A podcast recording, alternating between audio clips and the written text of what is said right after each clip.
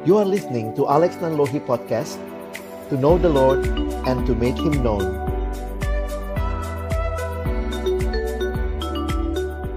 Kita berdoa sebelum kita membaca merenungkan firman Tuhan Tuhan kami bersyukur bahwa tidak ada hal yang kebetulan termasuk kehadiran kami sebagai orang-orang yang Tuhan percayakan melayani di dalam uh, komisi dewasa ini Tuhan.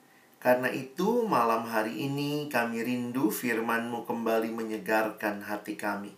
Berkati hambamu yang menyampaikan, setiap kami yang mendengar, Tuhan tolong agar kami bukan hanya jadi pendengar firman yang setia, tapi mampukan dengan kuasa pertolongan dari rohmu yang kudus, kami dimampukan menjadi pelaku-pelaku firman-Mu.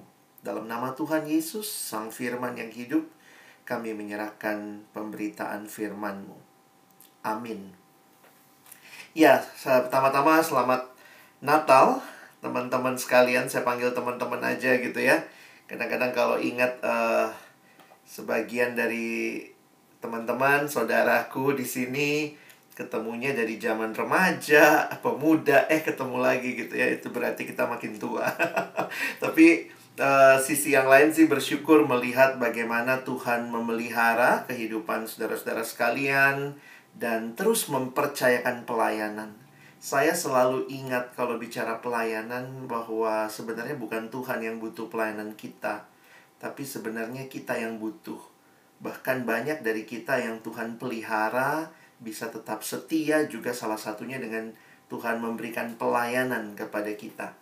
Malam hari ini dalam waktu yang singkat saya coba memberikan uh, penjelasan. Sebenarnya saya ingin membahas banyak hal tapi dalam waktu yang singkat karena itu uh, saya minta nanti uh, teman-teman sekalian nanti bisa gali lebih jauh ya. Apa yang saya mau bagikan adalah melihat kepada pelayanan Paulus di Tesalonika. Ada banyak hal yang menarik dalam pelayanan Paulus. Salah satunya adalah perjalanan misi Paulus. Nah, dalam perjalanan misi Paulus yang kedua, Paulus melayani dan dia tiba di Tesalonika. Catatan kisah Rasul pasal 17 ayat 1 Paulus dan Silas mengambil jalan melalui Amphipolis dan Apolonia dan tiba di Tesalonika. Di situ ada sebuah rumah ibadat orang Yahudi. Ini sebagai peta yang bisa menunjuk. Jadi saya sambil cerita aja ya. Jadi saya nggak ajak kita baca satu bagian khusus saya sambil cerita kita coba uh, refleksikan dalam hidup dan pelayanan kita. Kita bisa lihat di mana Tesalonika. Kalau teman-teman memperhatikan, itu ada di daerah Makedonia. Selain Filipi, juga ada kota Tesalonika. Nah, apa yang menarik untuk kita perhatikan adalah catatan kisah Rasul tentang berapa lama Paulus ada dan melayani di Tesalonika. Sebenarnya ini juga agak unik ya, karena dituliskan seperti biasa Paulus masuk ke rumah ibadat itu tiga hari sabat berturut-turut. Ia membicarakan dengan mereka bagian-bagian dari kitab suci. Kalau kita perhatikan, kota selanjutnya Paulus ke Berea itu karena di Tesalonika dia ditolak, uh, ada orang-orang yang menimbulkan keributan. Jadi sebenarnya totalnya itu Paulus di di Tesalonika menurut catatan kisah Rasul kira-kira hanya tiga minggu ya. Jadi ini ini bagi saya cukup amazed ya. Tiga minggu saudara kan nggak jadi pengurus tiga minggu ya? Nggak mungkin lah jadi komisi komisi dewasa pengurus tiga minggu. Enggak ya. Saudara dapat waktu melayani mungkin apa dua tahun tiga tahun. Nanti kita coba refleksikan sama-sama. Nah Uh, kita tinggalkan kisah Rasul, kita masuk ke catatan uh, suratnya ya di dalam surat 1 Tesalonika. Nanti saya sudah tulis semua ayatnya jadi teman-teman bisa ikuti di layar. 1 Tesalonika pasal 1 ayat 2 sampai 3 dan ayat 6 sampai 8. Nah, ada beberapa hal yang saya mau uh, jadikan catatan nanti teman-teman bisa lihat dari yang saya bold ya karena waktu uh, singkat saya coba bold beberapa hal. 1 Tesalonika 1 ayat 2 Paulus mengucap syukur ya kami nah ini menarik Paulus nggak sendiri karena dia bersama Silas ya. Kami selalu mengucap syukur kepada Allah karena kamu semua dan menyebut kamu dalam doa kami. Sebab kami selalu mengingat pekerjaan imanmu, usaha kasihmu, dan ketekunan pengharapanmu kepada Tuhan kita Yesus Kristus di hadapan Allah dan Bapa kita.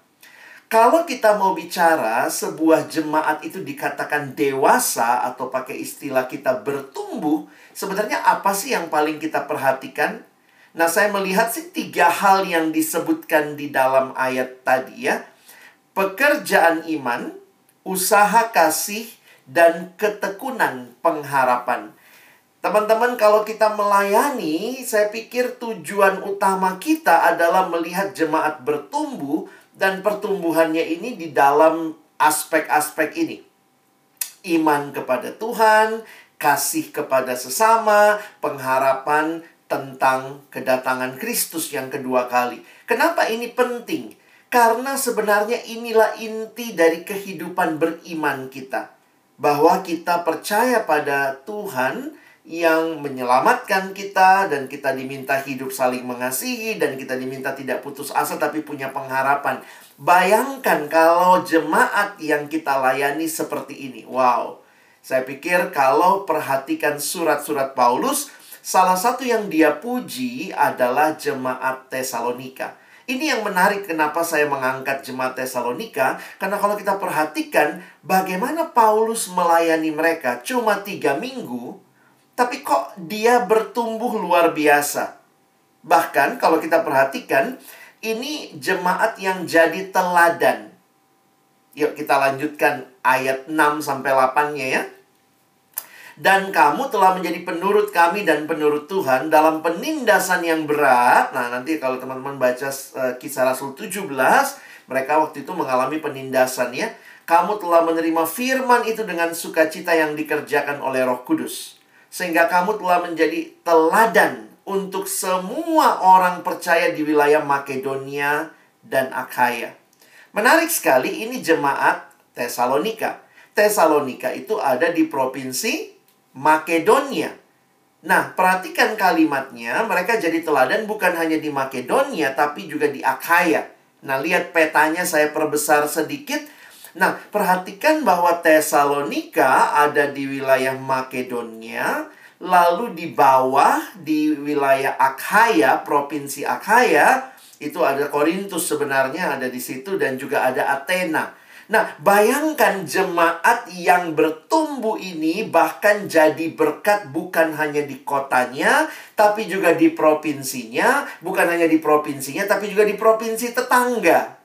Wow, ini bayangkan ya kalau misalnya dikatakan jemaat GKI Kalfling Polri bertumbuh dalam iman, dalam kasih, dalam pengharapan dan mereka jadi berkat bukan hanya di Kafling Polri dan sekitarnya, tapi di Jakarta Barat dan sekitarnya, bahkan di DKI Jakarta, bahkan sampai Banten. Nah, kira-kira begitu gambarannya ya. Nah, bahkan kalau kita perhatikan ayat 8 menuliskan karena dari antara kamu Firman Tuhan bergema bukan hanya di Makedonia dan Akhaya saja, tetapi di semua tempat telah tersiar kabar tentang imanmu kepada Allah, sehingga kami tidak usah mengatakan apa-apa tentang hal itu. Ini jemaat yang kalau saya pakai istilah, nanti teman-teman baca keseluruhan 1 Tesalonika 1, ayat 1 sampai 10, saya harus katakan ini jemaat ideal. Ideal itu bukan sempurna ya, karena ideal itu berarti mendekati kesempurnaan, tapi belum sempurna ya. Tapi yang menarik, ini jemaat yang ideal. Saya pikir semua hamba Tuhan, semua pengurus rindu sekali komisinya seperti ini. Rindu sekali jemaat yang dilayani seperti ini. Dan pertanyaannya, nah ini yang penting untuk refleksi kita. Bagaimana bisa muncul jemaat yang seperti ini? Notabene, kita lihat Paulus cuma tiga minggu di sana. Jadi bagi saya ini jadi menarik untuk kita perhatikan. Nah, dari kesaksian Paulus sendiri, ada hal yang saya mau garis bawahi. Bagaimana jemaat seperti ini bisa muncul? Kembali 1 Tesalonika 1 ayat 5. Sebab Injil yang kami beritakan bukan disampaikan kepada kamu dengan kata-kata saja, tetapi juga dengan kekuatan oleh Roh Kudus dan dengan suatu kepastian yang kokoh. Memang kamu tahu bagaimana kami bekerja di antara kamu oleh karena kamu. Jadi teman-teman yang dikasihi Tuhan perhatikan di sini ada Roh Kudus dan ada Paulus dan timnya. Teman-teman ingat Paulus bukan superhero melayani sendiri. Berulang kali dalam surat-suratnya ada tim yang melayani bersama. Bahkan dalam surat Tesalonika, Paulus berulang kali menggunakan kata kami. Kami. Sebab Injil yang kami beritakan. Jadi ada roh kudus, ada Paulus dan tim. Dan ini juga yang ditegaskan di ayat 6. Kamu telah menjadi penurut kami, penurut Tuhan dalam penindasan yang berat. Kamu telah menerima firman itu dengan sukacita yang dikerjakan oleh Roh Kudus. Jadi, kesimpulan melihat jemaat yang ideal ini itu adalah pekerjaan Roh Kudus, tapi juga di sisi lain adalah pekerjaan Paulus dan tim. Tentu, pekerjaan Roh Kudus tidak menghilangkan tanggung jawab kita. Jadi, kalau teman-teman dalam kerinduan melayani jemaat, merindukan ada jemaat yang ideal seperti itu, biarlah kita tidak lupa ini semata-mata pekerjaan Roh Kudus, karena Roh Kuduslah yang memberikan pertumbuhan. Tapi jangan lupa, ternyata kita bisa melihat juga tim yang luar biasa. Nah, karena itu saya ingin malam hari ini mengajak melihat apa sih yang dibutuhkan dalam tim yang baik supaya tercipta jemaat ideal dengan kuasa Roh Kudus. Ya, sekali lagi kuasa Roh Kudus tidak meniadakan tanggung jawab kita. Nah, menarik sekali di 1 Tesalonika 2, tadi 1 Tesalonika 1 ya. Jadi sebenarnya hari ini dalam waktu singkat saya bahas dua pasal panjang ini. 1 Tesalonika 2, teman-teman bisa memperhatikan ada hal yang menarik yang saya perhatikan dari pelayanan Paulus. Karena 1 Tesalonika 2 setelah Paulus bicara jemaat ideal di 1 Tesalonika 1, di 1 Tesalonika 2 Paulus cerita beberapa hal tentang diri pelayanannya dan timnya, ya. Nah, kita melihat ada tiga hal yang muncul. Pertama, Paulus bicara tentang visi. Yang kedua, Paulus bicara tentang motivasi. Dan yang ketiga, Paulus bicara tentang strategi.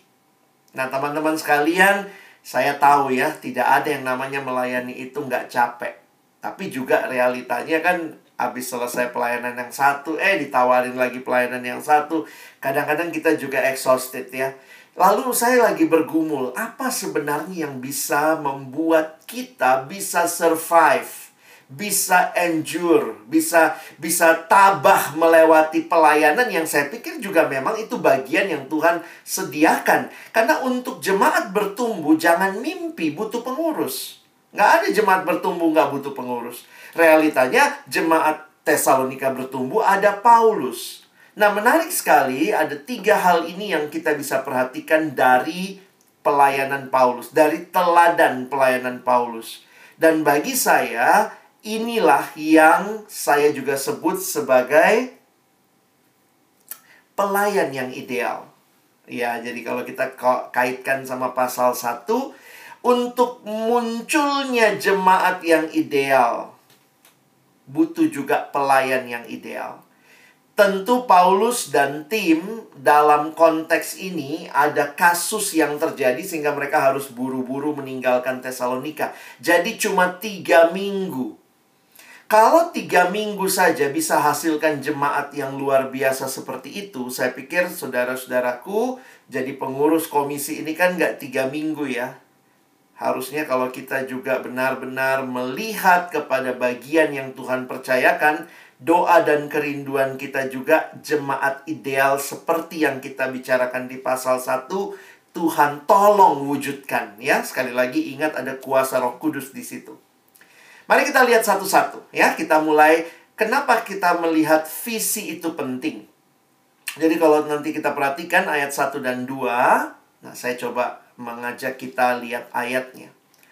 Kamu sendiri pun memang tahu, saudara-saudara, bahwa kedatangan kami di antaramu tidaklah sia-sia. Teman-teman, waktu saya renungkan ayat ini, Sebenarnya menarik ya. Dari mana Paulus mengukur pelayanannya? Kalau saudara mengukur pelayanan biasanya pakai apa? Ukurannya majelis biasanya apa? Ha, biasanya rata-rata majelis atau pengurusan gereja tuh ngukurnya kuantitas. Lalu ngukurnya berapa banyak kegiatannya ya. Jujur aja bagi saya, Paulus bisa ngomong begini itu membuat tanda tanya buat saya. Apa yang menjadi ukuran ketidaksia-siaan pelayanan?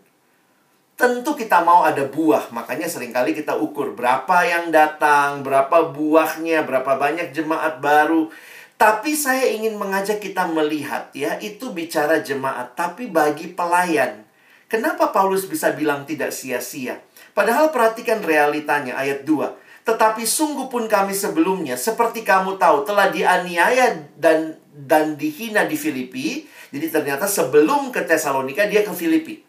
Namun dengan pertolongan Allah, kami beroleh keberanian untuk memberitakan Injil Allah kepada kamu. Dan ternyata bukan mudah juga jemaat Tesalonika. Memang di Filipi Paulus sampai di penjara. Bahkan dia dikatakan didera. Bahkan kepala penjara itu membasuh bilur-bilurnya. Jadi Paulus nampaknya dipukulin begitu ya. Lalu bayangkan orang kalau dipukulin itu berapa lama selesai lukanya. Saya pikir orang habis dipukulin tuh paling nggak sebulan tuh lukanya stay sama dia begitu ya. Bekas-bekasnya, lebam-lebamnya. Tapi menarik sekali, kisah Rasul 17 mencatat setelah dari Filipi. Ini kalau pakai tafsiran saya ya. Setelah dari Filipi masih lebam-lebam, Paulus pergi ke mana? Kita kalau keluar penjara, masih bengkak-bengkak, pengennya sih pulang ya, istirahat, bengkaknya selesai, baru pelayanan lagi. Tapi Alkitab mencatat, selesai dari Filipi, Paulus masih lebam-lebam itu. Pergi ke Tesalonika. Dia di Filipi masuk penjara karena memberitakan Injil. Di Tesalonika ngapain? Beritakan Injil lagi. Jadi kalau lihat jumlah, waduh, tiga minggu sebenarnya juga nanti teman-teman baca kisah Rasul 17, nggak terlalu banyak yang percaya. Atau paling boleh dikatakan ya tidak semua percaya. Cuma sekelompok kecil orang yang percaya. Di Filipi pun cuma sekelompok kecil orang yang percaya. Lydia dan pasti timnya Lydia, lalu kepala penjara dan timnya, dan seorang perempuan yang kerasukan. Jadi jemaat mula-mulanya Filipi paling tiga keluarga itu. Jemaat Tesalonika memang ditulis ada beberapa orang terkemuka, perempuan juga yang ikut jadi jemaat awalnya. Tapi sekali lagi, dari mana ukuran tidak sia-sia? Teman-teman, beberapa kali kalau kita evaluasi pelayanan lagi situasi pandemi ini tambah nggak mudah. Jadi memang bisa aja kita makin merasa ah sia-sia juga ini ya jadi pengurus masa pandemi. Dari mana konteks tidak sia-sia? Saya melihat inilah yang namanya visi atau mungkin bahasa sehari-hari kita panggilan Allah. Paulus tidak mengejar jumlah, tentu dia rindu jumlah bertambah. Tetapi ukuran pelayanan Paulus ketika dia tahu bahwa dia melakukan bagiannya, itu yang namanya tidak sia-sia. Dia melakukan apa yang Tuhan berikan sebagai panggilannya, itu artinya tidak sia-sia. Jadi kalau teman-teman saat ini mengingat lagi kenapa teman-teman terlibat dalam pelayanan ini, mengingat kembali Tuhan yang kasih kesempatan, maka kerjakan itu dengan baik kita bisa lihat Paulus dari satu kota pergi ke kota lain. Masih lebam-lebam. Di sana dipukulin lagi. Pergi lagi ke kota lain. Pelayanan lagi. Kamu baru masuk penjara gara-gara pelayanan. Kenapa keluarnya pelayanan lagi? Apa yang membuat Paulus terus melayani? Visi. Dia tahu. Makanya kalimat yang dia katakan di kisah Rasul 26 kepada Raja Agripa kepada penglihatan, kepada visi yang dari surga, tidak pernah aku tidak taat. Teman-teman, visi membuat kita rela bayar harga, rela berkorban, meskipun pasti melelahkan, tapi kita tahu. Dan orang yang tidak punya visi, di dalam kelelahan paling gampang ngomongnya apa? Sudah dilakukan, sudah dilayani, nggak ada buahnya. Aduh, Tuhan capek deh gitu ya. Nah, jadi teman-teman sekalian, sekali lagi uh, ini yang saya ingatkan ya. Apakah visi kita masih sama? Yang kedua, motivasi. Motivasi Paulus jelas sekali. Saya nggak usah bacakan ayatnya, tapi lihat yang saya bold. Untuk menyukakan Allah yang menguji hati kita. Di dalam ayat selanjutnya, Paulus bicara kami tidak punya maksud loba Kenapa maksud loba itu adalah maksud mencari keuntungan uang? Paulus bilang no. Kami tidak punya maksud loba. Kalimatnya kamu ketahui.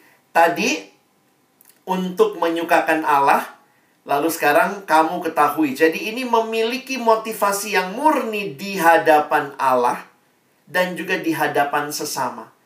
Ayat 6 tidak pernah cari pujian manusia dan seterusnya. Mari selidiki motivasi kita. Jadi yang membuat kita bertahan saya pikir ya teman-teman kan banyak yang udah teman dari masa kecil ya. Tapi biarlah yang membuat kita bertahan tuh bukan sekadar persahabatan. Itu modal penting. Tetapi sama-sama melihat visi yang sama. Sama-sama melihat motivasi yang murni. Dan terakhir. Strategi. Ayat 7-12 cukup panjang. Tapi bagi saya menarik sekali muncul bagaimana Paulus punya strategi kepada jemaat di Tesalonika. Dua istilah yang dia pakai. Kami berlaku ramah di antara kamu sama seperti seorang ibu mengasuh dan merawati anaknya. Lalu ayat 8, ayat yang terkenal, demikianlah kami dalam kasih sayang yang besar akan kamu. Bukan saja rela membagi Injil Allah dengan kamu, tetapi hidup kami juga ya, tetapi juga hidup kami sendiri dengan kamu karena kamu telah kami kasihi. Teman-teman, Paulus bukan perempuan. Nggak pernah Paulus jadi ibu ya. Tapi dia pakai perumpamaan ini.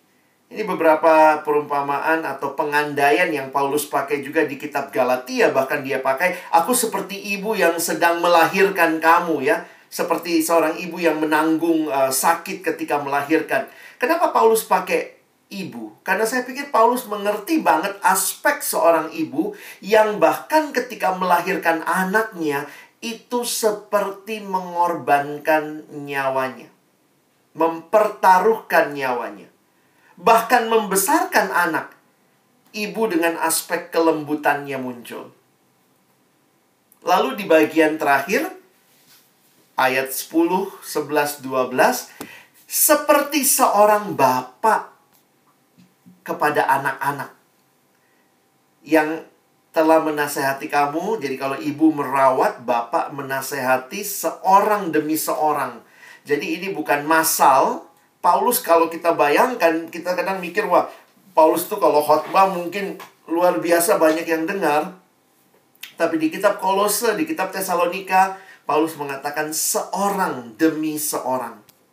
Jadi bagi saya ini menarik sekali untuk kita perhatikan ya. Kenapa? Eh, teman-teman uh, yang dikasihi Tuhan, pelayanan bukan program semata, tapi relasi dengan orang yang kita layani. Apakah banyak kali kita suka lupa gambaran ini ya? Ini jarang diangkat. Belakangan saya sering angkat dalam perenungan pribadi. Pernah nggak kita berpikir jadi pengurus, jadi majelis, jadi hamba Tuhan dengan gambaran jadi bapak dan ibu bagi jemaat. Kita kan kadang-kadang gembala dan domba. Wah, saya gembalanya, dia dombanya. Atau pemimpin dan yang dipimpin. Tapi Alkitab juga bicara dalam surat Paulus ini relasi antara orang tua dengan anak. Yang saya coba bayangkan begini ya, Bapak Ibu yang punya anak, kalau anak nggak mau makan, pasti itu yang sakit hati orang tua ya. Akan cari cara gimana anak bisa makan. Saya suka bayangkan ya ada mama-mama jadi helikopter ya supaya anaknya mau makan. Ah, ngeng, buka mulut, ngeng. Mama-mama rela loh jadi helikopter. Mungkin di kantor dia direktur. Tapi dia rela jadi helikopter. Dia rela jadi mobil-mobilan. Saya lagi bayangkan ya, ketika jemaat tidak bertumbuh, kita rela nggak lakukan segala hal dengan kasih, mengasuh, merawat seperti Bapak yang menasehati supaya mereka bertumbuh.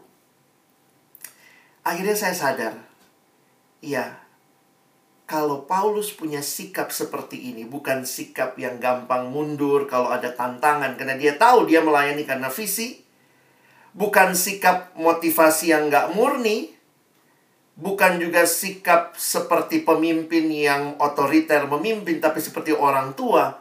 Nggak heran, tiga minggu cukup jadi waktu yang Tuhan pakai memberikan buah pelayanan yang luar biasa. Tuhan bekerja tiga minggu dalam visi yang Paulus miliki, motivasi yang dia miliki, dan bahkan kasih yang begitu besar. Teman-teman, kita menutup tahun 2020 ini. Ke depan kita akan masuk, ada banyak program yang mungkin direncanakan.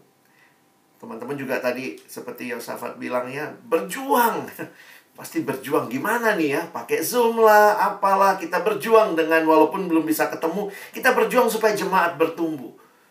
Tapi biarlah itu bukan cuma lahir dari kita pengurus, harus bikin program ya.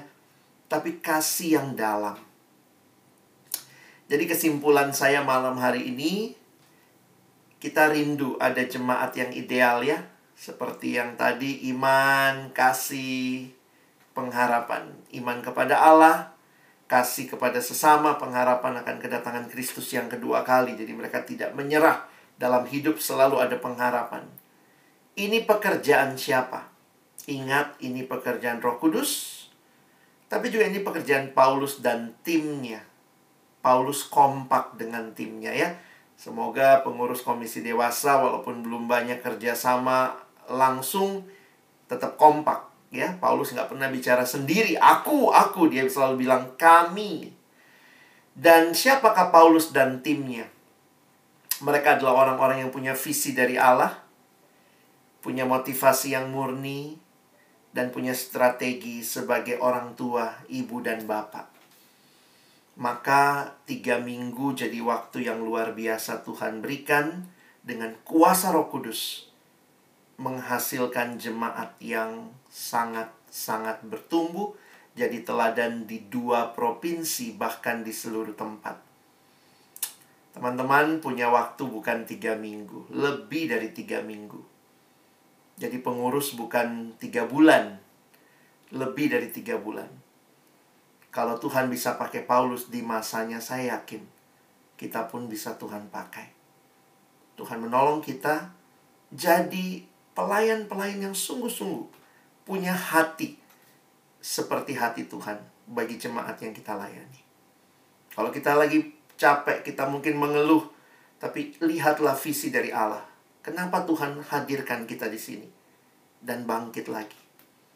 Motivasi yang mungkin lagi tidak murni, doakan supaya kita makin murni. Strategi untuk mengasihi dan mengasihi biarlah lahir dari hidup kita. Mari kita berdoa. Malam hari ini kami telah mendengar firman-Mu dan biarlah ini yang menjadi semangat kami, kerinduan kami yang merindukan ada jemaat yang bertumbuh kami tidak jadi pengurus demi diri kami, tapi demi jemaat yang Tuhan kasihi, yang Tuhan rindukan mereka mengalami pertumbuhan yang luar biasa. Kesaksian yang hidup. Dan terima kasih Tuhan libatkan kami. Seperti Paulus, kami belajar juga Paulus dan timnya. Miliki visi yang dari Tuhan, memiliki motivasi yang tulus, yang murni, terus-menerus dimurnikan, dan punya strategi seperti orang tua kepada yang kami layani. Biarlah ini menjadi bekal bagi kami menutup tahun ini dan membuka lembaran baru 2021 dengan melangkah bersama sebagai pengurus komisi dewasa. Tuhan kuatkan mampukan kami. Dalam nama Yesus kami berdoa. Amin.